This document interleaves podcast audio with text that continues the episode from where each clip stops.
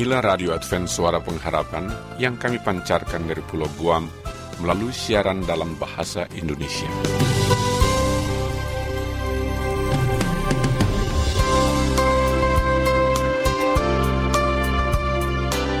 Salam sejahtera kami ucapkan kepada pendengar setia kami di mana pun Anda berada.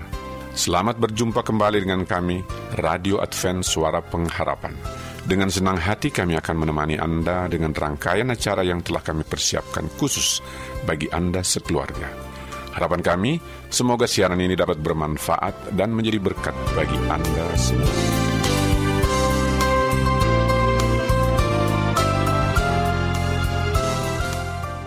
Pendengar yang dikasihi Tuhan, di tahun ke-35 pelayanan AWR Indonesia, kisah dan kesaksian pendengar terkait siaran dan pelayanan audio kami terus-menerus dikompilasi.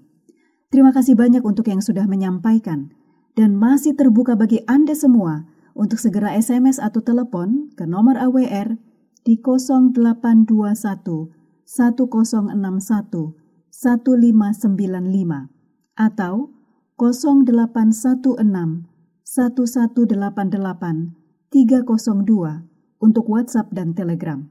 Kami tunggu para pendengar dukungan Anda.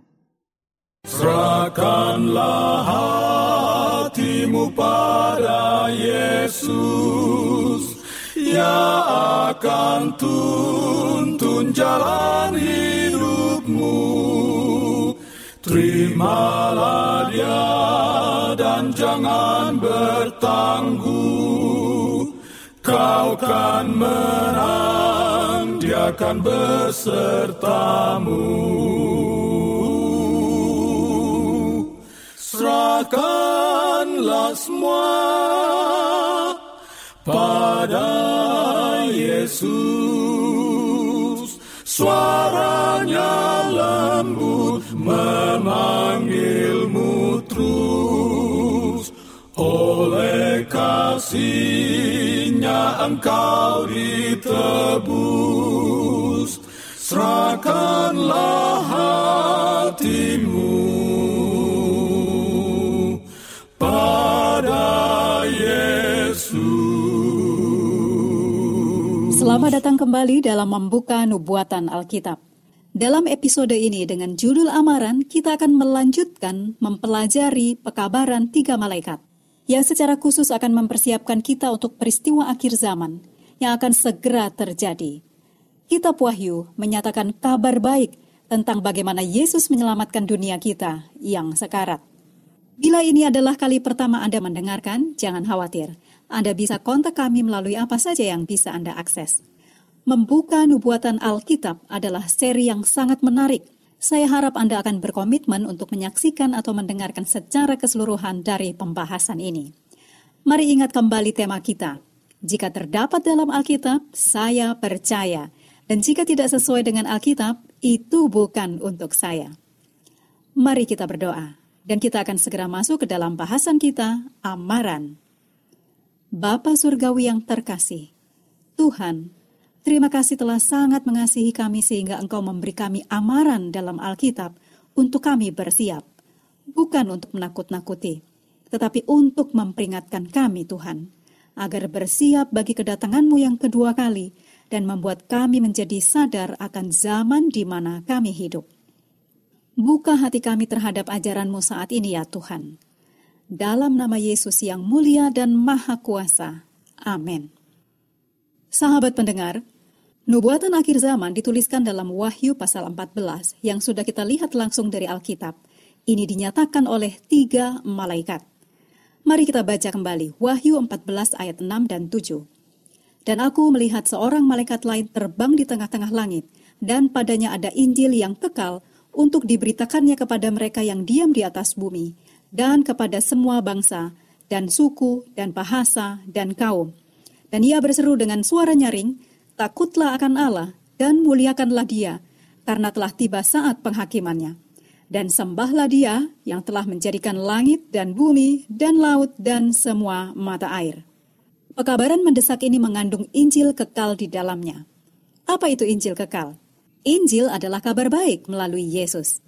Dan Pada pembahasan sebelumnya kita telah melihat empat hal mengenai Injil yang kekal. Yang pertama, Kristus Yesus mati untuk dosa-dosa kita. Yang kedua, Kristus menjalani kehidupan yang sempurna.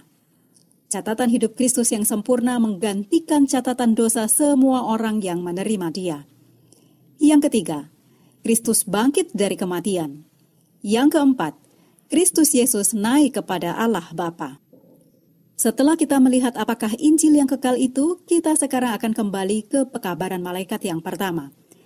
Wahyu 14 ayat yang ketujuh menuliskan, Takutlah akan Allah dan muliakanlah dia, karena saat penghakimannya telah tiba. Dan sembahlah dia yang menjadikan langit dan bumi, laut dan mata air. Apa artinya takutlah akan Allah? Takut akan Allah berarti menghormati atau menghargai dia dengan menuruti ajarannya. Mari kita dengar kesimpulannya secara keseluruhan dalam pengkhotbah 12 ayat yang ke-13 yang mengatakan, Takutlah akan Allah dan berpeganglah pada perintah-perintahnya, karena ini adalah kewajiban setiap orang. Amsal 3 ayat yang pertama mengatakan, Anakku, jangan engkau melupakan ajaranku, dan biarlah hatimu memelihara perintahku. Di zaman di mana moralitas telah merosot, Tuhan memanggil kita untuk kembali menuruti hukumnya. Dia memanggil kita untuk menuruti perintah-perintahnya. Wahyu 14 ayat yang ke-12 menggambarkan umat Allah di akhir zaman seperti ini. Yang penting di sini ialah ketekunan orang-orang kudus yang menuruti perintah Allah dan memiliki iman Yesus. Ini adalah panggilan untuk penurutan Penurutan telah menjadi kebenaran yang diabaikan di beberapa kalangan Kristen saat ini. Terlalu banyak orang Kristen yang menekankan hanya anugerah yang cuma-cuma, tanpa memperhatikan pentingnya hukum Allah. Sekarang, apa itu hukum Allah? Yang pertama, hukum Allah adalah cerminan karakter Tuhan yang dijabarkan dalam sepuluh perintahnya. Allah ingin kita menjadi seperti dia, hidup dalam damai dan harmoni. Jadi, ketika kita menurut hukum Allah, ini adalah untuk kepentingan kita, untuk kehidupan yang terbaik. Yang kedua, ini adalah panggilan untuk memuliakan Allah. Apa artinya memuliakan Allah? Itu berarti menghormati Allah dalam gaya hidup kita. Pekabaran zaman akhir Tuhan memanggil kita untuk menghormati Tuhan dalam cara bagaimana kita memperlakukan tubuh kita – dan ini termasuk apa yang kita makan, minum, dan bagaimana kita hidup. 1 Korintus 10 ayat 31 mengatakan, Jika engkau makan atau jika engkau minum, atau jika engkau melakukan sesuatu yang lain, lakukanlah semuanya itu untuk kemuliaan Allah. Selanjutnya Roma 12 ayat yang pertama dituliskan, Karena itu saudara-saudara, demi kemurahan Allah aku menasihatkan kamu, supaya kamu mempersembahkan tubuhmu sebagai persembahan yang hidup, yang kudus, dan yang berkenan kepada Allah. Itu adalah ibadahmu yang sejati. Tubuh kita adalah bait suci dari Allah yang hidup dan adalah miliknya. Allah juga menghimbau kita untuk memuliakan Dia dengan menghormati setiap aspek kehidupan kita. Berikutnya dalam Wahyu 14 ayat yang ketujuh dituliskan, Dan sembahlah dia yang telah menjadikan langit dan bumi dan laut dan semua mata air. Siapa yang kita sembah? Pencipta kita. Masuk akal. Di zaman evolusi, ketika jutaan orang telah meninggalkan paham tentang Allah Sang Pencipta, Wahyu 14 ayat yang ketujuh memanggil kita untuk menyembah Dia yang menjadikan langit dan bumi. Dasar dari sebuah penyembahan adalah fakta bahwa Tuhan menciptakan kita. Wahyu 4 ayat yang ke-11 menuliskan, Ya Tuhan dan Allah kami, Engkau layak menerima puji-pujian dan hormat dan kuasa, sebab Engkau telah menciptakan segala sesuatu, dan oleh karena kehendakmu, semuanya itu ada dan diciptakan. Pertentangan terakhir antara kebaikan dan kejahatan berfokus pada soal penyembahan dan secara khusus siapa yang kita sembah. Apakah sang pencipta atau ajaran buatan manusia? apakah sang pencipta atau si binatang yang dituliskan dalam kitab Wahyu. Hal ini memanggil kita kembali untuk menerima tanda kesetiaan Allah, bukan tanda binatang itu. Melalui pekabaran malaikat pertama, kita telah menemukan sebagai orang Kristen apa yang seharusnya kita lakukan, yaitu menuruti Tuhan dan memuliakannya dalam gaya hidup kita. Kita telah menemukan mengapa kita harus melakukannya. Itu karena Dia adalah pencipta kita. Dia menciptakan kita. Jadi, Tuhan layak menerima kesetiaan kita. Sekarang, mari kita cari tahu mengapa pekabaran ini amat sangat penting. Kita baca kembali Wahyu 14 ayat yang ketujuh. Takutlah akan Allah dan muliakanlah dia, karena telah tiba saat penghakimannya. Pekabaran terakhir dalam kitab Wahyu tidak mengatakan bahwa saat penghakiman Allah akan datang. Tidak, penghakiman itu sudah datang. Mungkinkah kita hidup di saat-saat penghakiman? Mungkinkah nasib semua umat manusia akan segera ditentukan oleh pilihan yang kita buat hari ini? Sebelum kedatangan Yesus, penghakiman terakhir surga akan menentukan upah setiap orang sebelum dia datang. Wahyu adalah buku tentang pilihan kekekalan. Wahyu 22 ayat yang ke-12 menunjukkan kepada kita hal ini. Dituliskan, Sesungguhnya aku datang segera, dan aku membawa upahku untuk membalaskan kepada setiap orang menurut perbuatannya. Jika Yesus datang untuk memberikan upahnya, tentu harus ada penghakiman sebelum kedatangannya. Wahyu 16 ayat yang ketujuh menuliskan, Ya Tuhan, Allah yang Maha Kuasa, benar dan adil segala penghakimanmu. Anda lihat sahabat pendengar, Tuhan tidak pernah salah. Pengadilan dan hakim duniawi bisa melakukan kesalahan. Tetapi Raja kita yang berdaulat tidak pernah melakukan kesalahan. Penghakimannya benar dan adil. Anda dapat mengandalkan Tuhan tentang bersikap adil. Kitab Wahyu mengungkapkan bahwa setiap manusia yang hidup ketika Yesus datang sudah membuat keputusan terakhir mereka, apakah untuk menurut atau melawan Kristus. Mari baca Wahyu 22 ayat 11, dituliskan, Barang siapa yang berbuat jahat, biarlah ia terus berbuat jahat. Barang siapa yang cemar, biarlah ia terus cemar. Dan barang siapa yang benar, biarlah ia terus berbuat kebenaran. Barang siapa yang kudus, biarlah ia terus menguduskan dirinya. Kristus dalam kitab Wahyu memanggil Anda saat ini. Dia ingin Anda diselamatkan. Dia ingin Anda hidup di kerajaannya selamanya. Kristus tidak tahan membayangkan Anda hilang. Lebih dari segalanya, Kristus ingin bersama Anda selamanya di kerajaannya. Jadi Kristus telah mengirimkan pekabaran penting ini kepada Anda dalam Wahyu pasal 14. Jadi mari kita simpulkan pekabaran penting dari malaikat yang pertama.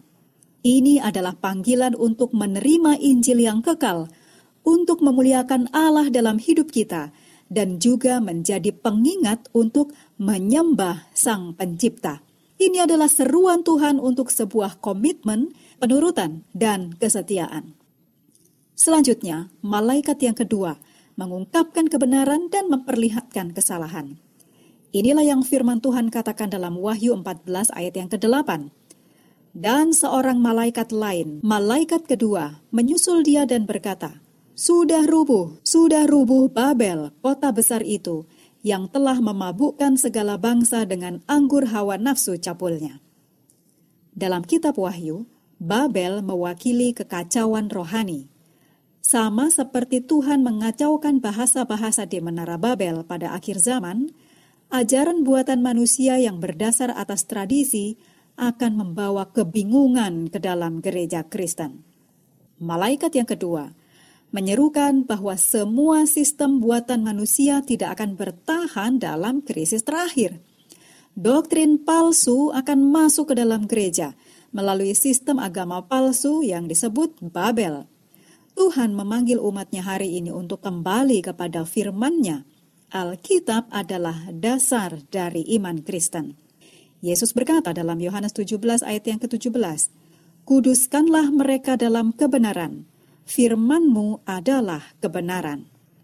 Pokok persoalan tentang tanda binatang adalah penyembahan. Jadi pastikan Anda tetap bersama dengan kami para sahabat pendengar karena kita akan menyelam lebih dalam ke dalam hal-hal yang rinci mengenai Babel dan tanda binatang itu dalam program mendatang yang berjudul Si Pelacur dan Sebuah Tanda. Pendengar yang dikasihi Tuhan, di tahun ke-35 pelayanan AWR Indonesia, kisah dan kesaksian pendengar terkait siaran dan pelayanan audio kami terus-menerus dikompilasi. Terima kasih banyak untuk yang sudah menyampaikan dan masih terbuka bagi Anda semua untuk segera SMS atau telepon ke nomor AWR di 0821 1061 1595 atau 0816 1188 302 untuk WhatsApp dan Telegram. Kami tunggu para pendengar dukungan Anda. Amaran dari para malaikat agar tidak menerima tanda binatang itu adalah salah satu hal paling serius dalam seluruh Alkitab. Anda tidak akan mau ketinggalan untuk mendengarkan hal-hal yang rinci tentang ini. Sekarang, mari kita lihat pekabaran malaikat yang ketiga. Ini dimulai dari Wahyu pasal 14 ayat yang ke-9. Dan seorang malaikat lain, malaikat ketiga, menyusul mereka dan berkata dengan suara nyaring, Jikalau seorang menyembah binatang dan patungnya itu, dan menerima tanda pada dahinya atau pada tangannya, maka ia akan minum dari anggur murka Allah. Pekabaran malaikat ketiga ini diakhiri dengan deskripsi dari orang-orang yang setia di akhir zaman. Dan apa ciri-ciri dari orang-orang yang bersiap ketika Yesus datang? Wahyu 14 ayat 12 menuliskan, yang penting di sini ialah ketekunan orang-orang kudus yang menuruti perintah Allah dan iman kepada Yesus. Jadi sekarang mari kita simpulkan.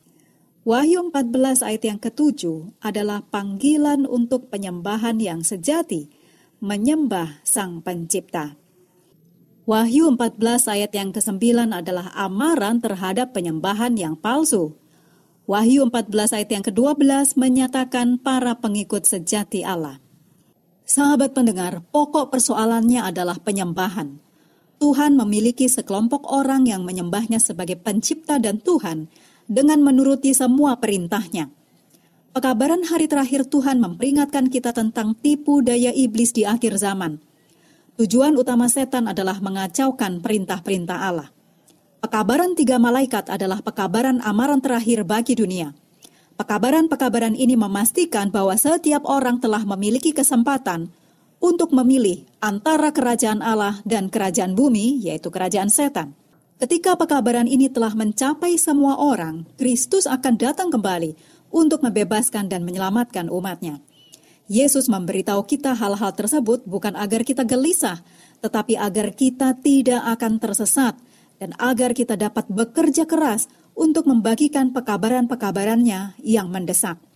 Sekarang saatnya untuk sungguh-sungguh refleksi diri, bukan untuk menjadi takut, dengan tanda-tanda nubuatan di sekitar kita, sekaranglah saatnya untuk berjaga-jaga sebagai seorang hamba yang bijaksana dan setia menanti kembalinya Kristus.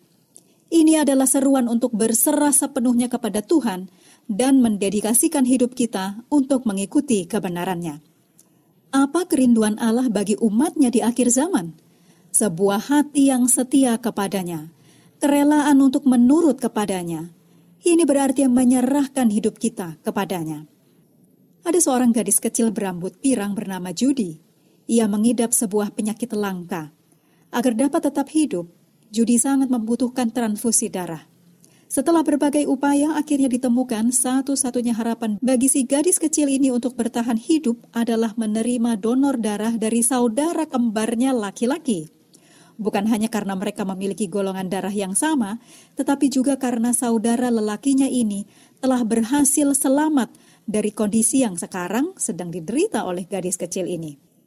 Darah dari kembarnya yang lelaki mengandung antibodi yang bisa menyelamatkan hidup Judy. Ketika dokter Brad bertanya kepada bocah lelaki itu apakah dia mau mendonorkan darahnya bagi kembar perempuannya, dia awalnya ragu-ragu. Dia berpikir panjang dan keras. Tetapi ketika dokter menjelaskan kepadanya bahwa itu satu-satunya cara untuk menyelamatkan nyawa kembar perempuannya, mata bocah lelaki itu berkaca-kaca dan dia berkata, "Ya, dia akan melakukannya." Transfusi dilakukan. Kedua saudara kembar itu berbaring bersebelahan di tempat tidur rumah sakit, berpegangan tangan selama perawatan. Dokter merasa lega sementara dia melihat wajah Judi kembali berwarna kemerahan. Dan ketika prosedur selesai, bocah lelaki itu tiba-tiba menjadi sangat serius. Mata biru besarnya yang serius menatap dokter, dan diam-diam dia membisikkan sebuah pertanyaan yang tidak akan pernah dokter lupakan. Katanya, Dokter, jadi kapan aku akan mati? Bocah lelaki yang berani dan tidak mementingkan diri ini berpikir bahwa dengan donor darahnya, dia akan benar-benar menyerahkan hidupnya atau mati untuk menyelamatkan saudari perempuannya. Dia mengasihi saudara kembarnya sampai pada titik bahwa dia rela mengorbankan hidupnya untuk menyelamatkan hidup saudaranya.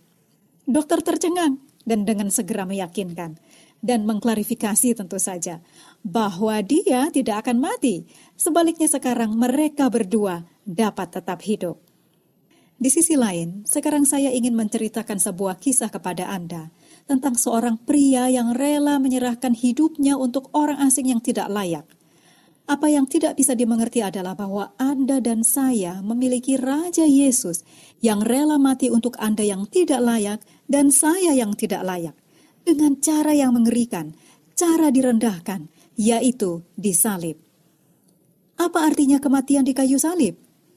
Salib adalah demonstrasi kasih yang indah dan tak terbantahkan. Untuk orang lain, bahkan musuh-musuhnya, Yesus menempatkan kehidupan mereka di atas dirinya sendiri. Yesus membuktikan bahwa Allah mengasihi setiap anggota umat manusia lebih dari keberadaannya sendiri, lebih dari hidupnya sendiri. Jadi, Yesus berkata ketika orang melihat salib, bahwa mereka akan menemukan kasih yang akan menarik hati mereka kembali kepadaku. Aku tidak perlu memaksa atau memanipulasi atau menipu mereka. Aku hanya mengasihi mereka, dan dengan mengasihi mereka, dengan memberikan hidupku sendiri, mereka akan melihat karakterku, caraku. Secara bersamaan, ada dua hal yang terjadi di salib. Setan ditaklukkan, dan hati manusia dimenangkan kembali bagi kerajaan Tuhan. Dalam Kolose 2 ayat 15, Paulus memberitahu kita bahwa salib melucuti kuasa jahat. Di sinilah Yesus membuat iblis menjadi tontonan umum. Yesus menunjukkan kepada semua orang, kepada semua malaikat, kepada semua dunia lain di luar sana, bahwa jalan setan dengan kekuatan dan paksaan adalah merusak. Yesus membuktikan bahwa kebenaran dan kasih lebih kuat daripada kejahatan yang pernah ada Beginilah cara Yesus memenangkan perang melawan kerajaan kegelapan. Beginilah karakter dan pemerintahan Allah pada akhirnya dibenarkan. Salib itu benar-benar tidak terduga. Itulah hal yang saya gemari dari hal ini. Setan yakin bahwa hal ini akan menjadi pertarungan antara kekuatan dengan kekuatan, pertarungan tinju dengan tinju. Tetapi yang sebenarnya terjadi adalah dia terkepung, kalah pintar, dan kalah unggul. Kemenangan datang tepat pada saat setan berpikir dia telah meraih kemenangan dengan membunuh Yesus dengan cara yang mengerikan, bengis, dan jahat. Seolah-olah setan membusungkan dadanya dengan kesombongan hanya untuk di saat yang sama menerima serangan maut. Dia benar-benar yakin bahwa dia telah menang, hanya untuk menyadari pada saat yang sama bahwa dirinya telah kalah. Apa yang terjadi di salib ini adalah kasih dan ego berdiri berhadap-hadapan dan kasih memperoleh kemenangan. Yesus bangkit kembali para sahabat pendengar. Dan itulah sebabnya dia mengutus tiga malaikatnya untuk mengamarkan kita tentang sejumlah peristiwa agar mempersiapkan kita bagi kedatangannya.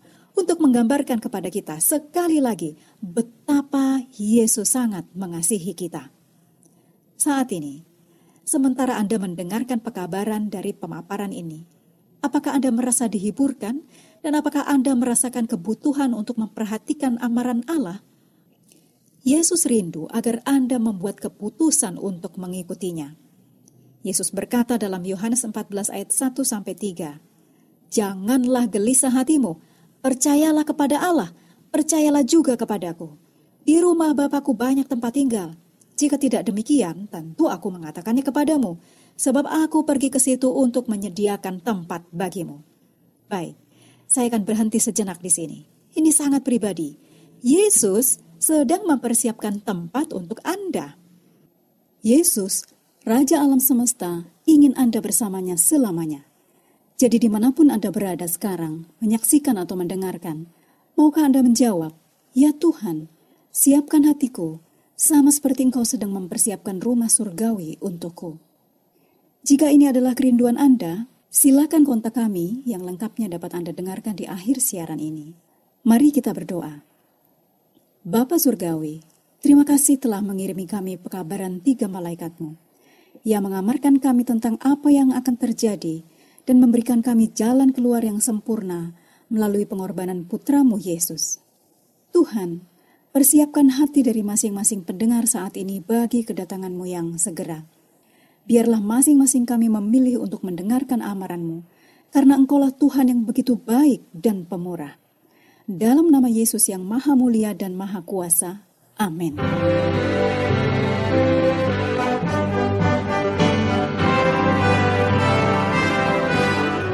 Sahabat pendengar, kami harap Anda semakin diberkati dengan pemaparan kebenaran Tuhan ini. Jika Anda memiliki pertanyaan, permohonan doa, ingin belajar Alkitab, silakan kontak AWR Indonesia yang dapat Anda dengarkan di akhir siaran ini. Bergabunglah dengan kami berikutnya untuk pembahasan lebih lanjut dari membuka nubuatan Alkitab. Tuhan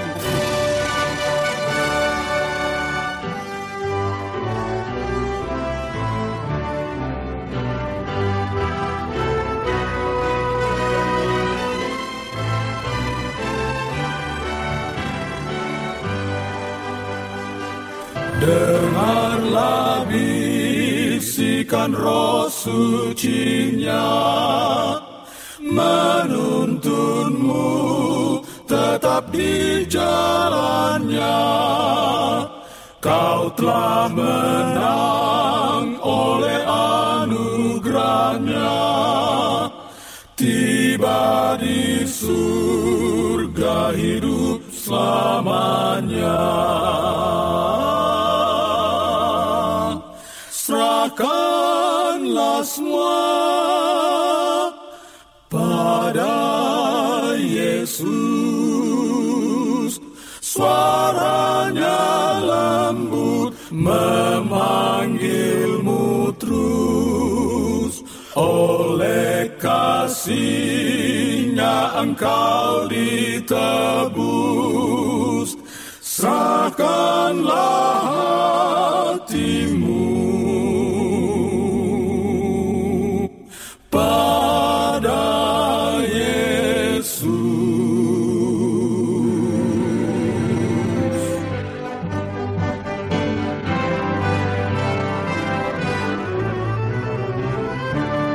Demikianlah rangkaian acara yang dapat kami persembahkan hari ini. Dan apabila Anda mempunyai pertanyaan atau ingin mendapat pelajaran Alkitab penemuan baru, silahkan menghubungi kami dengan cara mengirim surat ke alamat Radio Advent Suara Pengharapan, PO Box 8090, Jakarta 12810, Indonesia. Telepon 0821 1061 1595 dan alamat email awrindonesia@yahoo.co.id. Anda juga dapat bergabung di Facebook kami, pendengar radio Advent Suara Pengharapan. Terima kasih kami ucapkan bagi Anda semua pendengar kami yang setia. Kita akan berjumpa kembali pada waktu dan gelombang yang sama esok hari. Salam kasih dan sejahtera kiranya Tuhan memberkati kita semua.